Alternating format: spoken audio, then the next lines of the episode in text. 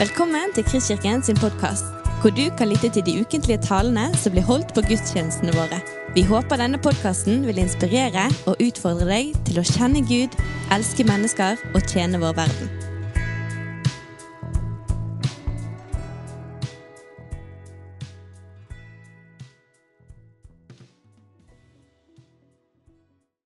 Vi skal starte en taleserie. Den eh, heter da det her eh, litt eh, spennende ordet 'endelig mandag'. Noen kobler kanskje med en gang til en bok som Arne Skagen skrev om evangelisering. og Det er ikke helt mynta på det, men den kan også være til inspirasjon. da. Men vi, vi starter en taleserie i Kristkirken som, som skal dreie seg koblingen egentlig mellom tro og arbeid. Og hvordan, sikkert i litt ulik grad, så opplever vi Eh, et skille kanskje mellom det å være her på gudstjeneste søndagen, vårt åndelige liv, og så kommer vi på en måte til hverdagslivet og mandagen. Og, og Vi har lyst til å bryte ned litt det skillet og, så, og, og, få inn både et bilde i hodene våre, men også en erfaring av at Gud bryr seg om hele livet vårt og hele skapelsen. Og Det betyr derfor noe, og ikke bare noe, men det betyr derfor like mye hva vi gjør fra mandag til fredag som det vi gjør på søndagen. Det betyr derfor like mye hva vi gjør fra alle de våkne timene, ikke bare når vi sitter i lønnkammeret. Eh, og Det skal vi bruke en del søndager på å snakke om. Og så blir det nå, I innledningen så blir det, blir det de to første talene i dag og neste blir litt sånn det store bildet. Og så skal vi drille oss inn i mer sånn konkrete ting etter hvert. Vi skal snakke om viktigheten av hvile oppi det her. og Vi skal snakke om eh, relasjoner på jobben eller relasjoner der man er. og Vi skal prøve å gjøre det litt sånn konkret. og, og ja, For å leke med et ordpar så skal vi snakke litt om paradigma først. Tankesett, de store bildene i hodene våre. Og så skal vi drille oss også inn i praksiser. Så da kan vi brife litt med de ordene. Eh, men de her store bildene i hodene våre, paradigmaene våre, har noe å si fordi Det er akkurat som rotsystemet til et tre bestemmer hvilken frukt som bæres. Eller Hvis du ser et isfjell, så ser du litt sånn lite ut på toppen, men det er jo alt som er under, som gir det kraft. Og Sånn er det også med de bildene som vi har i hodene våre, som vi kanskje ikke tenker så mye over fra dag til dag. Uh, og så kan Vi på en måte, vi kan treffe på at ja, vet du hva, jeg tror at jobben min er viktig for Gud. fordi at jo, den er jo viktig for Gud. Og så har man på en måte kommet til riktig konklusjon, men så har man kanskje ikke bygd det opp med det fundamentet som uh, gjør at det kan stå enda sterkere. Så det skal vi, det skal vi rett og slett starte litt med. Og så, så I dag så, så, skal jeg um, rett og slett Det blir en, en, en, en, preken som Vi skal pløye rett og slett gjennom en del bibelvers. Jeg skal uh, egentlig bare prøve å tegne en slags rød tråd fra første Mosebok Eh, og framover. Sånn at vi, vi, vi, får med oss at det er en rød tråd gjennom Bibelen. I hvorfor vi snakker om endelig mandag, hvorfor vi snakker om jobb osv. Men også en, en, rød tråd fra begynnelsen til der vi sitter nå, og videre til ny himmel og ny jord. Om hva Gud holder på med. Og at Gud holder på med noe som vi kan få være med på.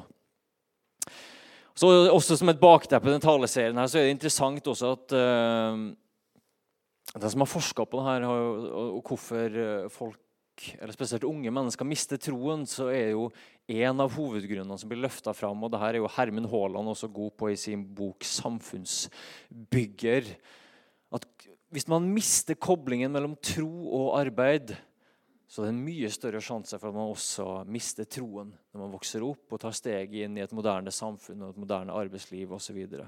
så det har, eh, det har, også alvorlige konsekvenser, men, men, det har også en enorm frukt hvis vi greier den koblingen. Uh, ja. Så gode himmelske Far, igjen, vi ber om at ditt ord skal få lande i hjertene våre og bære rik frukt. I Jesu Kristi navn. Amen. Så Vi skal rett og slett eh, ta turen tilbake til den velkjente hagen. vi. Det var sikkert ikke sånn det så ut som du ser på bildet her, men det er jo en eller annen kunstner som har prøvd å, å vise litt hvordan det var. Vi skal gå litt fort igjennom, og Du trenger ikke å slå opp i alle de bibelversene som jeg siterer, men jeg vil bare be deg om å lytte, lytte inn. Eh, det står i det første Mosebok at eh, Gud skapte verden. Han skapte hele kosmos, han skapte universet. Og så, eh, Etter han har skapt alt sammen, så står, står det bl.a. de her ordene. Så tok Herren Gud mennesket og satte det i Edens hage til å dyrke og passe på den. Og Det er to enkle ord inni der som vi kanskje kan hoppe over, men som er de her til å dyrke og passe på den. Og du vet, eh, Noen ganger skal jeg ønske at Bibelen var litt mer forklarende og brukte mer adjektiv osv. Men, men det her går jo på det, som, det oppdraget og det mandatet som Adam og Eva fikk. De skulle jo passe på hagen, de skulle dyrke den, de skulle passe på den. Og Selv om det ikke fortelles så eksplisitt i eh, skapelsesberetningen, så er det jo også um, bilder som blir utvikla videre i Bibelen om hvordan Adam og Eva fungerer som Guds representanter i hagen. Og de blir egentlig, I roller så blir de egentlig som både prester og konger. Prester i den forstand at uh, de representerer eller holder skapelsen overfor Gud. De bærer skapelsen, de tar vare på skapelsen og representerer skapelsen overfor Gud. Men de er også et avbilde av Gud. De er skapt i Guds bilde. Og også et avbilde av Gud, hvem Gud er, og Guds natur, og Guds vilje, og Guds visdom og Guds forvaltning ut til skaperverket. Og da ikke som en sånn konge som skal herske med hard hånd, men en som forvalter Guds eiendom, som sjøl er skapt til Guds bilde, og som forvalter Guds visdom og Guds skaperverk. Så vet jo vi det, at der lever de i Guds liv, i Guds nærvær. Gud vandrer sammen med dem. De lever i overflod, de lever i Guds velsignelse. De lever i det som Bibelen kalles shalom, en sånn, en sånn, fullkommen tilstand. Ikke bare der det er fravær av krig eller fravær av det vonde, men det, det, det blomstrer, det er liv, det er velsignelse. Gud er her, det er himmel på jord, det er shalom. Så vet jo vi at Adam og Eva svikter. Og De svikter både sånn på personlig plan, men de svikter også i rollene sine. Som konger, som prester, så svikter de. Og Så står det i Rombrevet 5, og du må bare henge deg på nå, for nå suser vi gjennom, men i Rombrevet 5 så brukes de her begrepene at fra og med da når Adam og Eva, som på en måte var igjen nå leker vi litt med ord her, var satt inn som Gud sine forvaltere, Gud sine visekonger på jorden, så svikter de også rollene sine. Og så står det i Rombrevet 5 at fra fallet så var det døden som herska. Legg merke til ordet 'herska'. Det var ikke Adam og Eva lenger. og igjen Herske er et negativt ord i vår eh, sammenheng, men du kan tenke herredømme. For det står igjen videre i rombrevet at døden fikk herredømme. Så var det ikke bare at Adam og Eva hadde brista personlig, men de også gitt fra seg det gudgitte herredømmet, det gudgitte forvalteransvaret. Og for nå og videre så forteller rombrevet at det er døden som fikk herredømme. Så ser vi ganske kjapt at det er Guds vilje å snu denne tragedien. Og føre menneskene inn igjen til Edens hage. For da blir Edens hage lukka. Der man har intimt samfunn med Gud, der man lever i shalom, så blir den døren lukka. Og så er Guds hensikt å føre mennesker en dag tilbake dit. Og Så fortsetter denne historien. og igjen, Dette blir en sånn super uh, i racerfart igjennom. Du kan studere det mer på egen hånd. Der ser du et bilde av tabernaklet. For selv om Adam og Eva har gitt fra seg herredømmet nå, og det er døden som hersker og som har herredømme, så fortsetter det her oppdraget som Gud har gitt, likevel som et frø. Og det fortsetter i israelsfolket. Og Tabernaklet er kanskje det fremste bildet for det, for det er så, så sterkt symbolsk. Det er jo for så vidt et helt studie, og det er mange her inne som er gode på sånne ting. Men det er også et, et symbolsk bilde av hvordan de har med seg Guds nærvær. De har med seg det her aller helligste, innerste rommet i tabernaklet der Gud bor. Nå kunne de ikke lenger være inne i Edens hage ved livets tre, det som symboliserer det nære samfunnet med Gud. Men de bar det med seg i tabernaklet. Som et sånt lite frø på jorden så skulle israelsfolket både være en velsignelse for hele, hele verden, men de, også, men de bærte helt symbolsk også med seg det her tabernaklet. Sånn, nesten sånn, det er mer enn det, men også en sånn minne tilbake til Edens hage. At inni der, det aller helligste, der øversteprestene fikk gå en gang i året, der mintes man også tilbake til det man hadde. Men også der kunne man i det minste i fall møte Gud en gang i året. Så det fortsetter iallfall i en sånn frøform, selv om, selv om Adam og Eva hadde svikta i rollene sine, så fortsatte oppdraget litt sånn i, i frøform med israelsfolket. Vi ser jo et, et, fantastisk eksempel på det når vi kommer videre til fortellingen om Josef. Han ble jo solgt som eh, slave til Egypt. Og så får vi denne historien at uh, Potifar alltid det var litt sånn artig navn da jeg var liten. Men en av de øverste politiske lederne i Egypt kjøper jo Josef som slave. og du kan, Josef jobber jobbe som slave i Potifar sitt hus. Det er jo ikke drømmekarrieren, for det starta jo helt forferdelig med Josef. Det var ikke en jobb han hadde valgt, men han var nå der. Og han opplevde hva det vil si å gå på jobb med Gud. Så står det de her ordene at Herren var med Josef og lot ham lykkes. Han ble boende i huset til sin egyptiske herre. Herren han så at Herren var med ham og lot ham lykkes i alt han gjorde. Josef vant velvilje hos herren sin og ble hans tjener. Potifar satte ham til å styre sitt hus og lot ham ta hånd om alt han eide. Og fra den tid egypteren satte ham over sitt hus og alt han eide, velsignet Herrens hans hus på grunn av Josef. Herrens velsignelse hvilte over alt han eide, både i huset og på marken. Han lot Josef ta hånd om alt han eide, og bekymret seg ikke for noe bortsett fra maten han spiste. Så Josef var jo den perfekte arbeidstaker. Han gjorde jo alt for bedriftslederen sin, men, men, han gjorde jobben sin trofast. Men Gud velsigna. Og Gud velsigna Potifar sitt hus, selv om ikke han var noen gudfryktig mann. Gud velsigna Potifar sin bedrift så til de grader at Potifar ikke tenkte verken på regnskap eller på matinnkjøp eller noen som helst ting. Han overlot alt til Josef, fordi at Josef hadde det her oppdraget med seg. Han hadde Guds velsignelse med seg. Og så Som vi leser videre, så ble jo Josef også en politisk leder. Og legg merke til at dette er ikke religiøst språk. Det var ikke som at Josef ble ypperste prest, og så ledet han egypterne inn i lovsang, og så var de i kirka på søndagen. Så dette er hverdagslivet.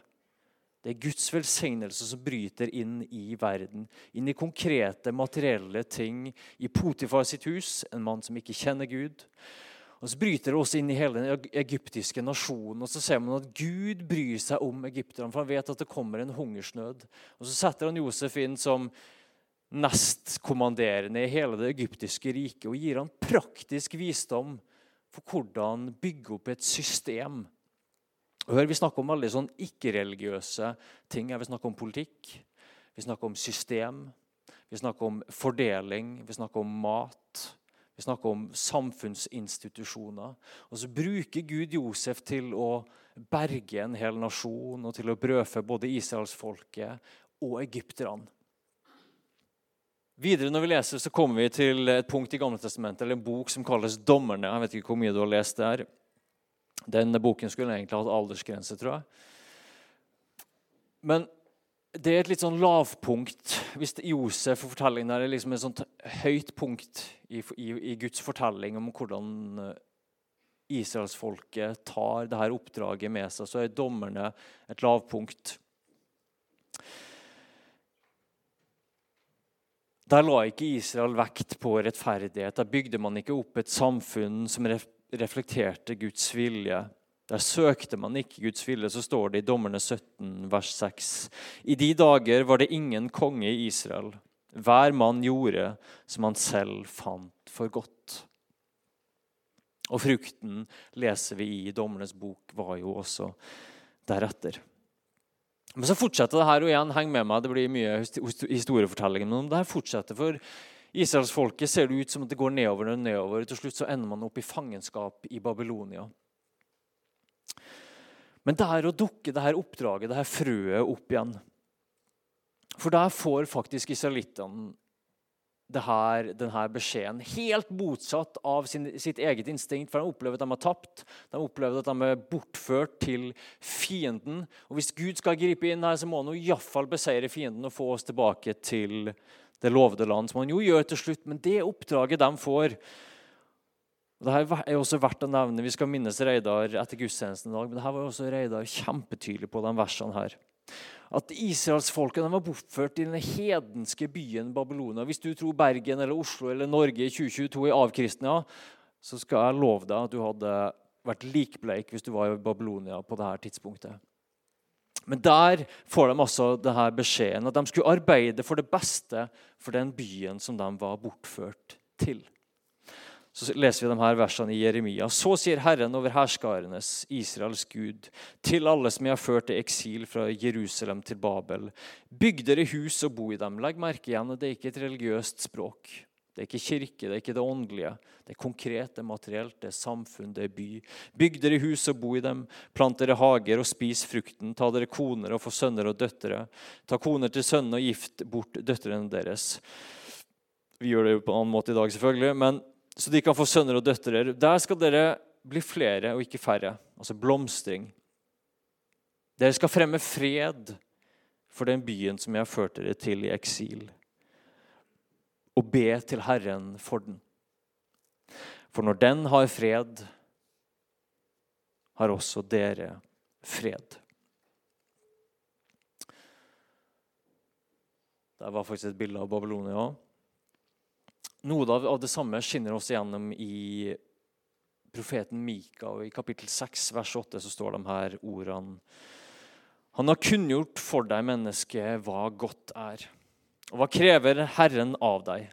Og hør etter bare at du gjør rett, viser trofast kjærlighet og vandrer ydmykt med din Gud. Igjen ribba for religiøst språk. Det handler om å gjøre rett, vise trofast kjærlighet og vandre ydmykt med din Gud. Gjelder ikke bare på søndag, gjelder ikke bare når jeg er åndelig, men gjelder hele mitt liv i alt jeg foretar meg. Og så kommer selvfølgelig kulminasjonen i Jesus Kristus. Han som bare ikke er en refleksjon av hvem Gud er, men som er det eksakte bildet.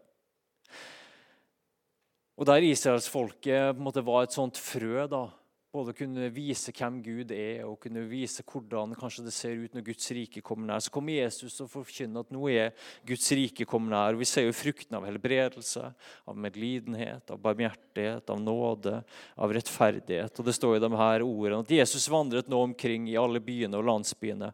Han underviste i synagogene deres, forkynte evangeliet om riket og ble helbredet all sykdom og plage. Og så kommer og det her kjenner du veldig godt, så kommer uh, Jesu liv, som er en demonstrasjon av hva det vil si når Gud gjenoppretter skaperverket, om en bare i én person, og dem som denne personen kommer i berøring med. Men så skjer det her at Jesus dør og står opp igjen. Og Hvis du minnes tilbake til første Mosebok, der det står at det var Adam og Eva ga fra seg herredømme, og det var døden som fikk herredømme, så er nå historien at Jesus bekjemper denne herren. Denne ultimate fienden, døden. Og så er, når Jesus står opp igjen, så er plutselig budskapet at verden har fått en ny herre. Og Som et menneske så har Jesus og jeg, Nå er vi litt på teologisk nivå, der Hold deg fast. Vi kommer, eh, vi kommer gjennom det. Men, men, som menneske så har Jesus da lyktes der Adam feilte. Og om bare som et frø igjen så har Jesus ført menneskeheten tilbake til Edens hage. Jesu liv var et bilde av hvordan det ser ut når himmelen kommer på jord. Og Så vet vi at når Jesus døde og sto opp igjen, så revna det her forhenget som Frode også var inne på. Og det aller helligste. Det er ikke bare at vi kan komme inn, men plutselig så velter det aller helligste ut. Du kan se for deg at når det forhenget revner, så flyter det ut igjen, og så flyter det ut til hele, hele verden. Og så får vi de her litt sånn merkelige ordene som, som, uh, som er veldig sånn kristelige. Sant? Jesus forteller Bartolomeus at du må bli født, nei, Nikodemus at du må bli født på ny. Og Så skapte Gud en gang Adam og Eva. Så er fortellingen at noe Gud har skapt på nytt igjen. Du må bli født på ny. Og så er Jesus denne første skapningen. Og så får vi sånne vers som i andre Korinterbrev. Nei, den som er i Kristus, er en ny skapning. Det gamle er borte. Se, det nye er blitt til. Og så er da fortellingen at Gud begynner å skape på nytt igjen. Han begynner det i meg og deg. Og det kommer kanskje, kanskje har du en dato der du ble kristen. Yes, da var det liksom det skjedde. Da ble jeg født på ny. Eller kanskje er det sånn som meg, at det var mer gradvis. Men på en eller annen måte og på et eller annet vis så føder Gud et nytt liv i oss, og så begynner det å spire. Og Det kan sammenlignes litt med en sånn oppstandelse. Med en, med en eksplosjon. Det skjer noe, og det fødes fram et nytt liv. Men så vet vi akkurat som et frø som vokser, så er jo den utviklingen derfra er da gradvis. Vi kjenner igjen i våre egne liv om hvordan det starter med at Gud føder nytt liv i oss, men så blir det gradvis at Gud får vinne mer og mer og mer terreng. At den nye skapelsen i oss får lov til å erstatte den gamle. Og Så er jo da fortellinga at det er det Gud holder på med nå også. At fra Jesus døde og til opp igjen, og, og, og nå fra apostlene videre når vi leser Nytestamentet, og helt fram til Bergen i 2022, så holder Gud på med en ny skapning. og Det sprengte seg fram som, en, som et sånt frø, eller som en sånn spire, når Jesus sto opp igjen. Som en eksplosjon kan du sammenligne det med. Og så er jo da fortellingen at så sprer det seg utover i verden som en sånn surdeig. Akkurat sånn som i våre egne liv. Gradvis og som en surdeig så sprer det nye livet seg. Og Det er det Gud holder på med nå. Nå skal jeg hoppe over de siste bibelversene jeg leste, for det har vi ikke tid til. Nei, de siste bibelversene jeg har tenkt å lese, for det har vi ikke tid til. Men da er, da, da er fortsettelse på denne store historien på Gud har ja, Gud har frelst, og Gud har, Gud har, Gud har liksom sikra billetten vår til himmelen. Men Gud holder på å fornye. Gud holder på å gjenskape. Han holder på å fornye deg. Han holder på å fornye meg. Han holder på å fornye hele skapelsen igjen. Jeg vet Det er vanvittig store ord, men det her er de ordene som Nytestamentet bruker. Og Oppdraget er på en eller annen merkverdig vis å si Gud at han vil ha med meg og deg. Han holder på å fornye skapelsen. Han vil ha med meg og deg personlig. At vi får lov å bøye våre liv, åpne våre liv og si ja. La den nye skapelsen, det som er født av deg, Gud, la det få spire fram i mitt liv, og la det få erstatte det her gamle mennesket i meg. La det nye livet få spire fram i mitt liv, men også der du vandrer. Fordi Det er ikke sånn at Gud bare er opptatt av kirken, men som vi har lest, så har Gud skapt hele verden, og Gud vil ha hele verden tilbake. Men bottom line er at Gud har skapt universet. Gud har skapt alt. Og Gud og det her, det her er jo løftet fra åpenbaringsboken.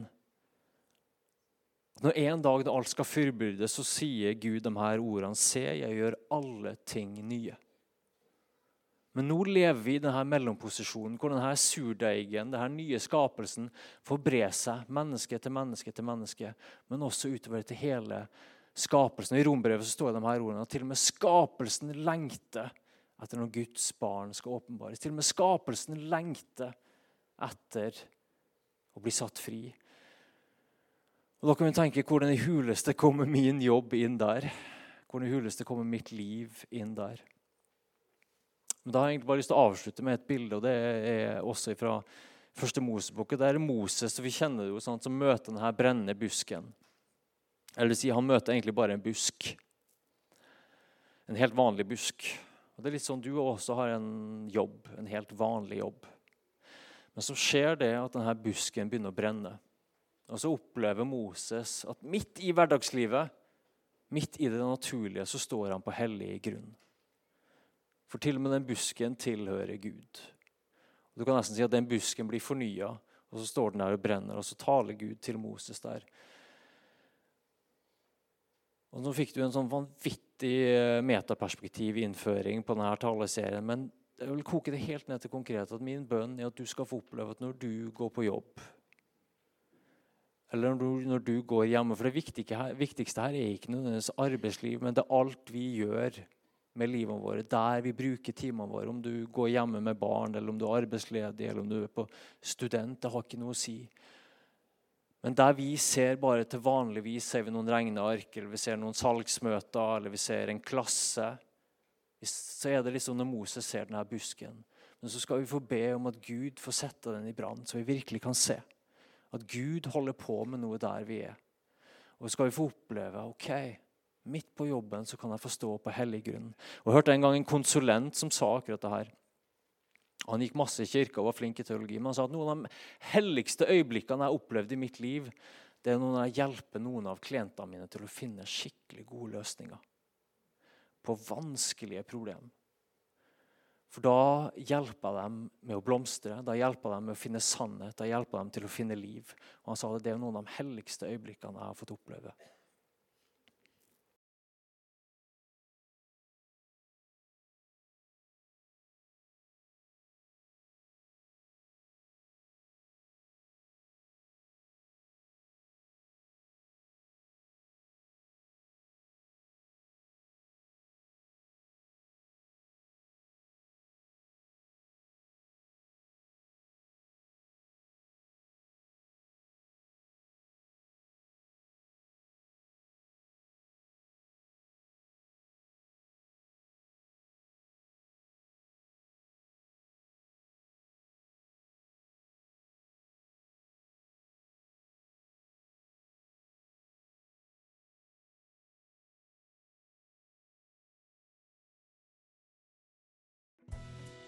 Du har lyttet til en podkast fra Kristkirken i Bergen. Vi håper du har blitt inspirert og utfordret i din vandring med Gud. Vil du vite mer om oss, så klikk deg inn på kristkirken.no.